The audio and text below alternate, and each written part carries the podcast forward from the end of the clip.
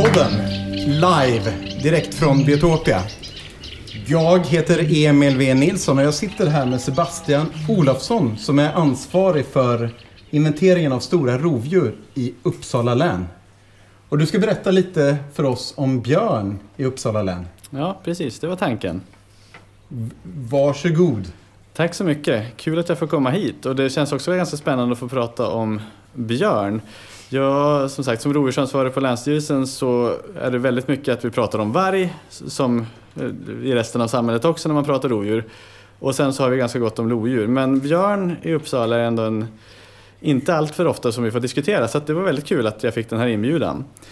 Eh, jag behöver kanske inte presentera mig själv mer, men jag tänkte lite grann på det här med just med björnar. att Eh, Eh, när man tänker på de stora rovdjuren så tänker man på varg. Ja, de, rödluvan och vargen i olika berättelser och så, så har den ofta en ganska negativ klang. Men om man pratar om björnar så är det ganska ofta positivt. Man pratar, björn är ett vanligt tilltalsnamn och det finns ju olika björnar, alltså teddybjörnar och i massa andra positiva sammanhang. Så att oftast har de en lite mer positiv bild, tycker jag, i folks minnen. så. Eh, men som sagt, i Uppsala och i Sverige så har vi ju bara en björnart och det är, det är brunbjörnen då, som finns i ett antal olika underarter. Jag tänkte att jag drar lite bakgrund här bara och sen kommer vi in på hur det ser ut i Uppsala. Eh, och de största brunbjörnsarterna, eller brunbjörnsunderarterna, de finns ju i Kodiak och Kamchatka och den här som vi har i Sverige är väl ganska standard brunbjörn. Det är väl samma i princip som finns i stora delar av Ryssland och även i Sydeuropa. Kodiak, vart ligger det?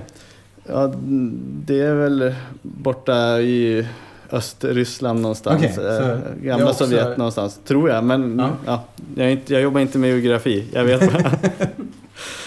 eh, och man kan säga att i grunden i Sverige så har vi på nationell nivå bestämt hur många björnar vi ska ha. Eh, och där har vi en miniminivå, alltså minsta antalet björnar vi ska ha som är 1400 stycken. Och vad man vet nu ungefär med de senaste inventeringarna är att det finns ungefär 3000 björnar då, i Sverige. Och brunbjörnar sett i hela världen finns det ju åtminstone ett par hundratusen så vitt jag vet. Um, generellt kan man säga att det är ganska stor skillnad på honor och hanar och brunbjörn. Honor väger ungefär upp till 100 kilo, mellan 60 och 100 kilo. Hanar upp till 250 kilo. Men de som blir riktigt stora, eh, särskilt på hösten då innan de går i det, kan väga över 300 kilo. Jag tror att den största björnen i Sverige vägde 343 kilo. Eh, som man vet i alla fall. Eh, ja.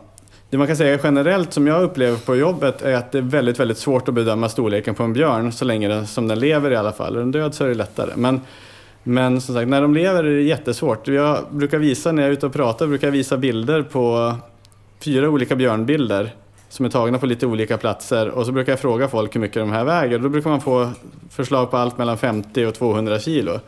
Sen när jag berättat att det är samma björn på alla fyra bilderna tagna inom två dagar på i princip samma åker och att den väger 67 kilo så brukar folk tycka att ja, det var nog inte så jävla lätt ändå. um, De ligger ju oftast ide på, på vintertid, då, från vad ska man säga, november till april kanske. Eh, och honorna föder sina ungar där då i februari. Eh, Visst är det samma över hela Sverige ungefär? Ja. När de går i ide och när de går, kommer ut? Ja, man, man brukar prata om tillverkningsdagen där ja. i mitten på april som när de ska vakna. Sen så tror jag eh, att de i södra Sverige antagligen ligger i det lite kortare tid än vad de gör i norra Sverige. För att det kommer mat tidigare på våren. De har inga skäl att ligga där Plus att risken att bli störd i södra Sverige när vi är större än vad den är uppe i norra Sverige. Men jag har inga, inga data på det som, som mm. styrker det, men det verkar så i alla fall. Okay. Um, ehm, ja, de, det är ganska fascinerande att de tappar ju nästan 40% av sin kroppsvikt där när de ligger i det. Men de tappar i princip ingen muskelmassa, de behöver inte dricka någonting och de, går inte, alltså de behöver inte kissa eller bajsa eller någonting under tiden de ligger i det. Uh, och det vet jag att de håller på att forska ganska mycket på nu. I Gävleborg va? Ja, det är ju Björnprojektet som håller på med det. Så det är ju mm. mest i Gävleborg och Dalarna som de har märkta björnar. Och rent medicinsk forskning, hur ska mänskligheten kunna använda det här för att förhindra fetma och liggsår och alla de här aspekterna. Så det är ju det senaste inom björnforskningen i, i landet egentligen. Eller om man ska flyga till Mars va? Ja, det är precis. Tyngdlöshet är också ja. ett problem för mänskligheten. och så. så att, eh, Ja, det finns mycket spännande saker som björnarna rent eh, fysiologiskt eh, påverkas av. Ehm, ja, vad kan man säga mer? Bara lite kort sådär. De blir ungefär könsmogna när de är fyra år, kan leva tills de är 30-40 år gamla. Så att det är ganska långsam reproduktionstid på björnar och de lever ganska länge. Sen tror jag inte att de reproducerar sig när de börjar bli uppåt 30 år och äldre. Det är inte vad, vad jag vet i alla fall, eller vad folk i allmänhet vet. Eh, ja, de äter allt möjligt. Man brukar säga att ungefär hälften av det de äter består av bär. Eh, 25 procent av älgkalvar och annat slags kött och 25 procent av myror. Och det var tydligen några forskare i USA, när jag läste på inför det här, som visade att en björn som de mätte hade ätit 184 000 blåbär på en dag. Eh, sen exakt hur de mätte antalet blåbär, det vet jag inte, men det hade de i alla fall kommit fram till. I Sverige så är det väldigt få angrepp på människor. Det har varit, sen typ 70-talet har det varit 40 angrepp drygt. Eh, människor, bara två stycken har dött och de allra flesta angrepp eller fall där det har blivit konflikter mellan djur och, eller mellan björn och människa så har det varit hundar och någon slags jaktsituation inblandad. Så att, eh, generellt så är risken extremt liten. Eh, Eh, och det, det, som ofta kom, kommer som folk frågar mig är sådär, jaha, om en björn kommer och ställer sig på bakbenen, är den hotfull då? Vad ska man göra? Ska man springa och sådär? Men det gör de i princip bara när de är nyfikna, att de vill få en bättre överblick och få bättre kontroll på situationen. Så att det är ja, ingenting man ska oroa sig för helt enkelt. Eh, det som var lite roligt när jag blev inbjuden hit också att prata om björnar är att jag känner att ja, hur ska jag kunna prata en kvart om björnar i Uppsala? För att det här är ju sagt inte något djur som vi normalt sett har här. Det här är inte en del av björnens utbredningsområde, eller har inte varit i alla fall, om man ser i överskådlig tid. Man räknar med att de sista björnarna i, i Uppland utrotades någon gång på 1700-talet i samband med att folk började med tamdjurshushållning och det blev konflikter däremellan. Eh, och sen så försvann de ju längre och längre norrut tills det bara fanns några små fickor med, med björnar kvar och det var ju ofta uppe i de här otillgängliga fjällområdena och sånt där det, ja, det var så besvärligt för folk att ta sig. Det var också skottpengar på, på björn så att du fick ju motsvarande en hel ko bara för att ha skjutit en björn Plus att du då fick pengar för skinnet och köttet som egentligen motsvarar en hel ko till, vilket var mycket om man var torpare eller något sånt där. Ehm, ett hemområde för en björn, för en honbjörn, eh, är ungefär 500 kvadratkilometer och för en hanbjörn är det 1500 kvadratkilometer brukar man säga. Och då kan man fråga sig, jaha, vad, det är svårt att ha en uppfattning om vad innebär det här egentligen, hur stort är det? Och då kan man säga att Uppsala län, landytan i Uppsala län är ungefär 8000 kvadratkilometer. Och en hanbjörn har alltså ett hemområde på 1500 så skulle man lägga dem kloss mot varandra så där så skulle det väl rymmas kanske fem, fyra, fem hanbjörnar i, eh, i länet. Vad innebär hemområde? Ja, precis. Det, det är inte samma sak som revir. Ett hemområde är ju ett område där de framförallt rör sig. Men det är inte så att de har tydliga gränser och, och försvarar sitt hemområde utan de kan överlappa så det innebär ju inte att ja, om en björn rör sig i ett hemområde så kommer det vara knivskarpa gränser mot ett annat, en annan björns hemområde. Som det kanske, ja, det är väl inte exakt så för varg heller, men det är mer tydligt kan man väl säga. Um, och vi har inte haft jättebra koll. Vi har inte deltagit i några björninventeringar i Uppsala just eftersom vi inte har varit i, ett, eh, i själva utbredningsområdet. Men i höstas så fick vi en förfrågan från viltskadecenter och från Naturvårdsverket om vi ville delta i en spillningsinventering då, just eftersom vi ligger i gränsområdet och vi har fasta, fast björnstam i Gävleborgs län och i Dalarnas län. Eh, och då skickade vi in ett antal prover, jag tror vi skickade in 15 prover som kunde vara björn då, och nio av dem kom tillbaka och visade att det var björn-DNA i de här spillningarna. Sen så var det tyvärr för dåligt DNA för att kunna säga vilket kön det var på den eller de björnarna och ja, om det var olika individer. Eh, annars hade vi kunnat få mer information. Men ser man vart de här är insamlade så kan man väl säga att det sannolikt är mer än en björn för de är på så pass olika ställen i länet. Då. Eh, tittar man över lite längre tid så jag kollade här i vår databas och de bekräftade observationer vi har sedan 2002 så har vi haft 73 observationer men väldigt, väldigt ojämnt mellan olika år. Att vissa år så har vi haft en enstaka observation, andra år så har vi haft 10 observationer. Så att det, och jag kan inte säga att det har blivit fler och fler observationer så det är väldigt svårt att säga att vi har någon slags utveckling av björnar. Men sannolikt så finns det ju flera björnar i länet varje år. Och 2015 så var det fyra stycken, eller ja, mellan 2015 och 2016 så var det fyra björnar som dog av olika anledningar här i länet. Så att uppenbarligen så fanns det ju under den vintern åtminstone fyra björnar.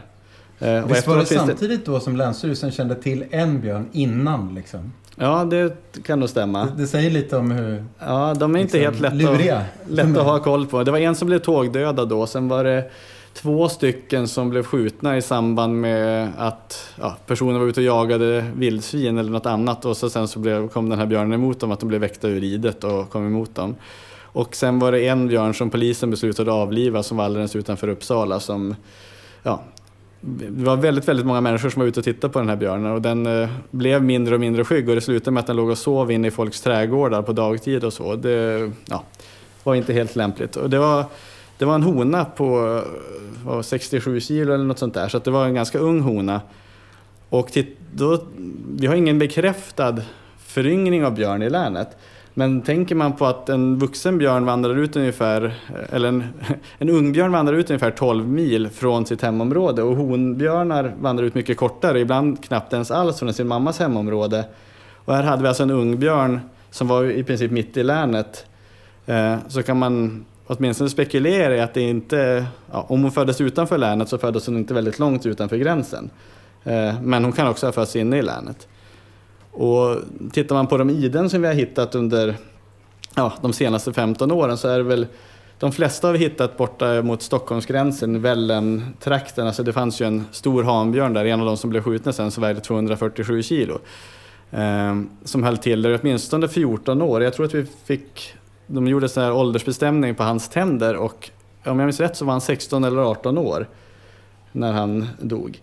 Eh, så det var en ganska rejäl björn. Och han, där har vi hittat tre olika iden eh, ja, i det området. Och sen så är det något ide uppe i Söderfors, något i Tärnsjö och ett i Marma någonstans. Mm. Så att uppenbarligen har vi haft övervintrande björnar på lite olika ställen, ställen i länet. Eh, kan man väl säga. Vad är det för typ av iden man har hittat då? Eh, är det, det, det klassiska är... utgrävda myrstackar eller är det sådana här korgiden? Jag kan inte svara för alla men de jag känner till är korgiden. Mm. Eh, och det är vanligast tror jag för äldre hanbjörnar, eller stora hanbjörnar, att de, ja, jag vet inte om det är att de tycker det är svårare att hitta något, något som de ska gräva ur som de tar sig in, utan de kryper in under en gran eller ja, något annat lite undanskymt ställe och så, sen så bäddar de i ordning typ en liten korg eller ett ide då, eh, och så lägger de sig då i princip där och, så, och snöar över. Ehm, så. så att det är ungefär eh, den senaste uppdateringen vi har på björnarna i länet, kan man väl säga. Ja, nu ska vi inte göra någon ny inventering här på de närmsta fem åren utan det här är ett rullande schema då för olika län med björnspillningsinventeringen. Så att vi får antagligen vänta fem år på att kunna göra en ny och kanske lite mer omfattande björnspillningsinventering. Men, eh, men vi är ju ofta ute och tittar på ja, de rapporter som kommer in ändå. Nu är det ju väldigt få rapporter eftersom de antagligen har gått i ide den här tiden. Men, men sommartid och Ja, särskilt på försommaren så brukar det vara ganska många björnar i länet och det är ofta hanbjörnar som vandrar ut i samband med parningstiden. De parar sig där på försommaren och då springer de runt och letar honor och då brukar de dyka upp lite här och var. Eh, bland annat i länet. Så det är oftast då vi får in observationer. Spännande! Är du nöjd med... ja, jag känner mig ganska nöjd. Och jag tappade ja. mitt fuskpapper också. Ja. Så det... du får ta upp det om du vill. Men vi, vi kanske ska se om vi har någon fråga direkt. Är det något ni har, ni har funderat på när det gäller björn i Uppsala län? Mm, ja. ja, jag har funderat på en sak. Ska jag vara närmare? Eller? Ja, det där blir jättebra. Okay. Jo, det här med vildsvin och björnar. För som jag har förstått det så är det en del björnar som har fotograferats när de gått på vildsvinsåtlar, alltså mat utlagt till vildsvin och så har man upptäckt att ah, här är en björn och så. Och att det blir lite då som att man matar, ja, indirekt matar björnen. Vällenbjörnen var väl också så, tänker jag, som gick åt på vildsvinsmat liksom. Och är det något som är, jag tänker det är ändå så här, well, om någon skulle börja mata vargar så gissar jag att det skulle bli lite uppror. så. Men det är en icke-fråga att björnar äter vildsvinsmat. Ja, i det här länet så är det ja. det, men det beror kanske främst på att det inte finns så mycket björn ja. i länet. Men senast i förra våren så fick vi in en bild precis från Stockholmsgränsen där det var en, som, en kvinna som satt på och, och jagade vildsvin och så kom den björnen gick förbi, gick fram till den där åteln som hon satt i närheten av, åt lite grann, gick runt ett par varv och sen så gick den iväg därifrån. Mm. Så att uppenbarligen så händer det ju. Eh, men, men generellt så upplever jag inte att det är något, något större problem. Nej. Och det, det man utfodrar vildsvin med är ju oftast spannmål, alltså mm. eller ärtor eller sådana saker.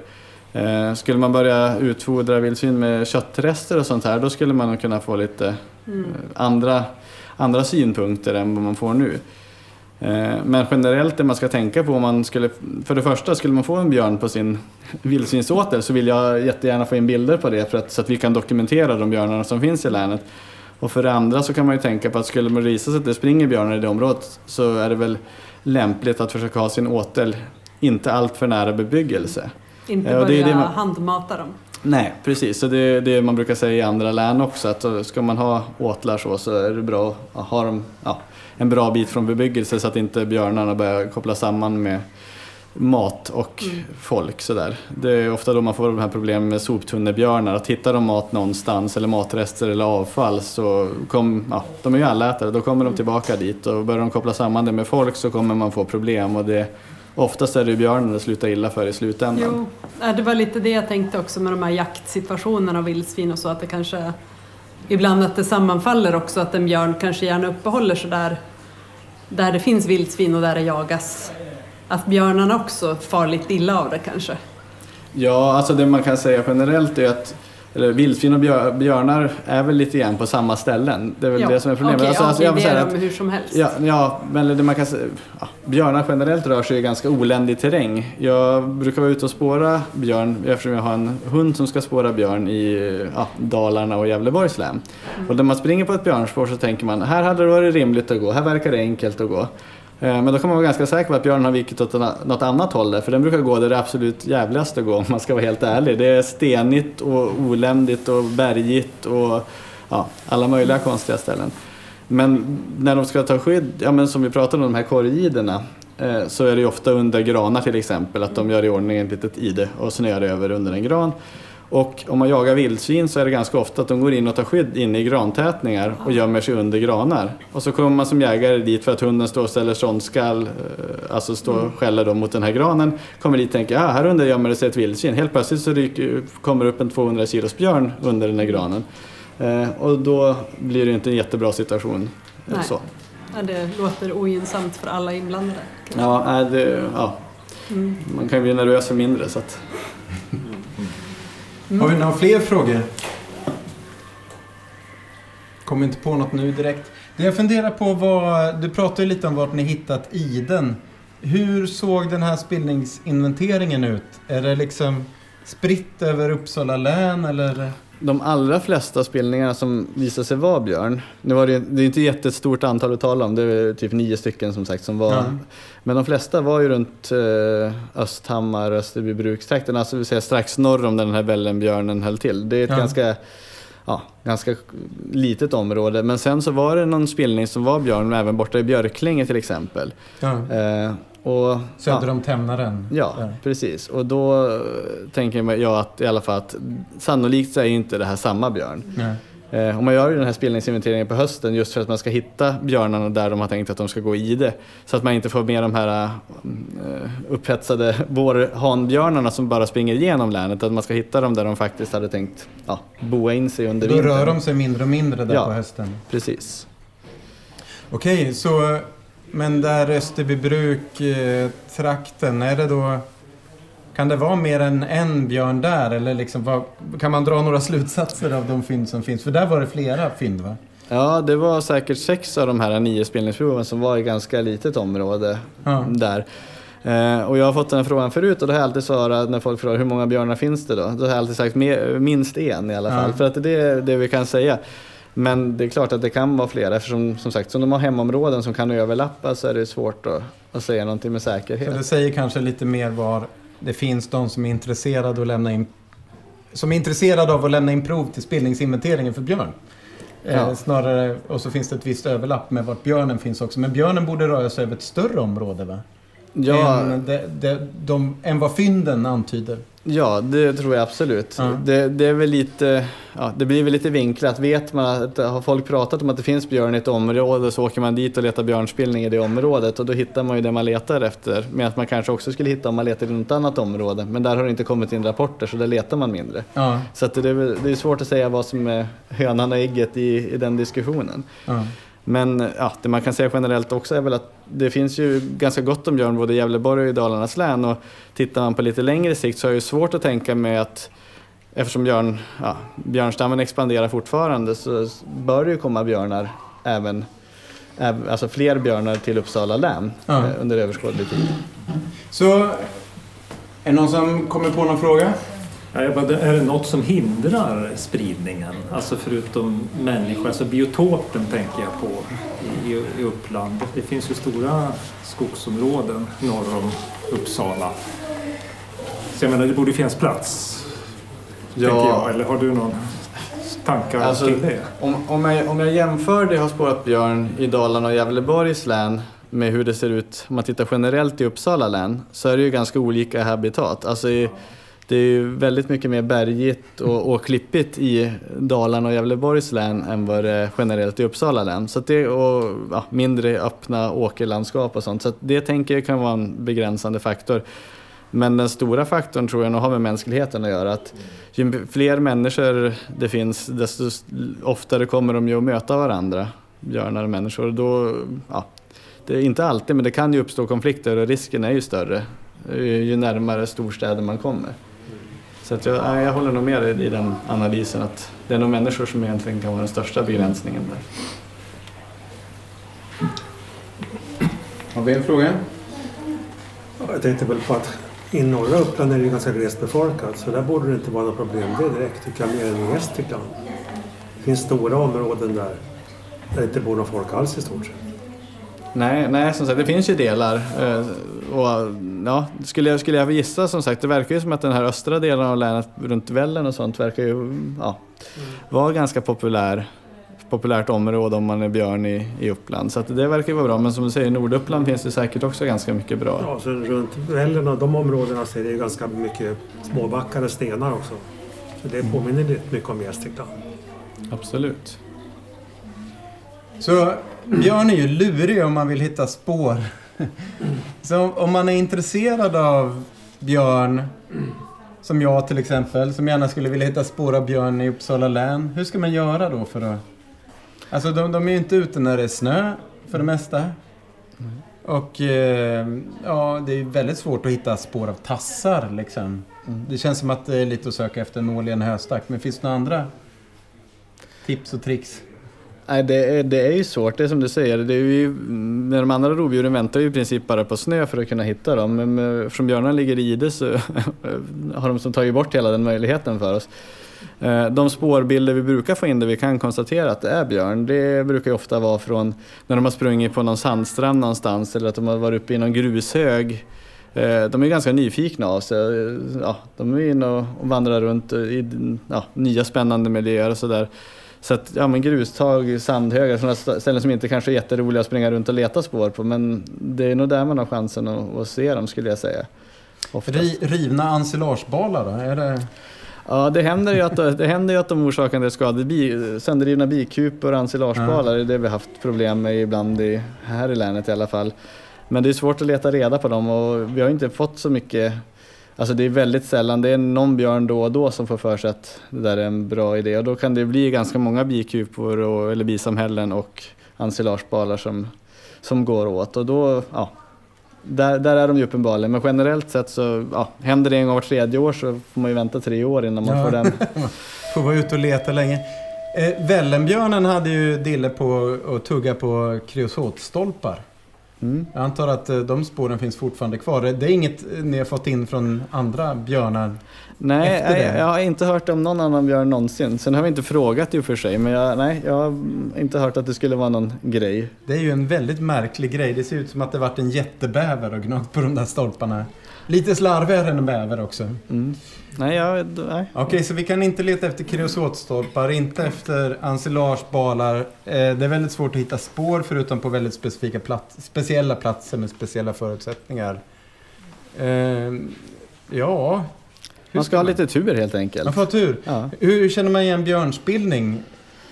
Ja, den är också klurig. Det, det beror lite grann på när på året man är ute. På hösten så äter de upp sig, som jag sa så äter de ju, ja, ser man på hela året så äter de ungefär hälften eh, av sin energi får de från bär. Så att på hösten så brukar det ofta vara väldigt, väldigt mycket bär. De har ganska snabbverkande matspjältningssystem så att ofta kommer ju stor del av bären ut ungefär på samma sätt som de kom in, eller de ser likadana ut när de kommer ut. Och ibland så kan man nästan inte ens se att det är spillning utan du kan se det som ett långt spår av, eh, av lingon bara. Jaha. Eller blåbär. Och då kan det vara en björn som har gått och bajsat.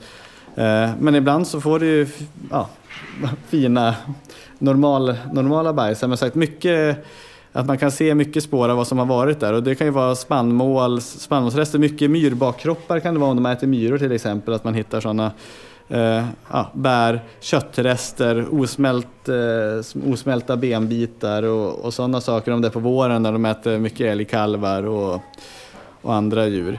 Eh, är man lite osäker kan man väl säga att det är ja, väldigt, väldigt ofta det finns hår med i deras spillningar. För att de, ja, de är ganska renliga och slickar sig själva ganska mycket. Och då följer med björnhår i, i spillningarna.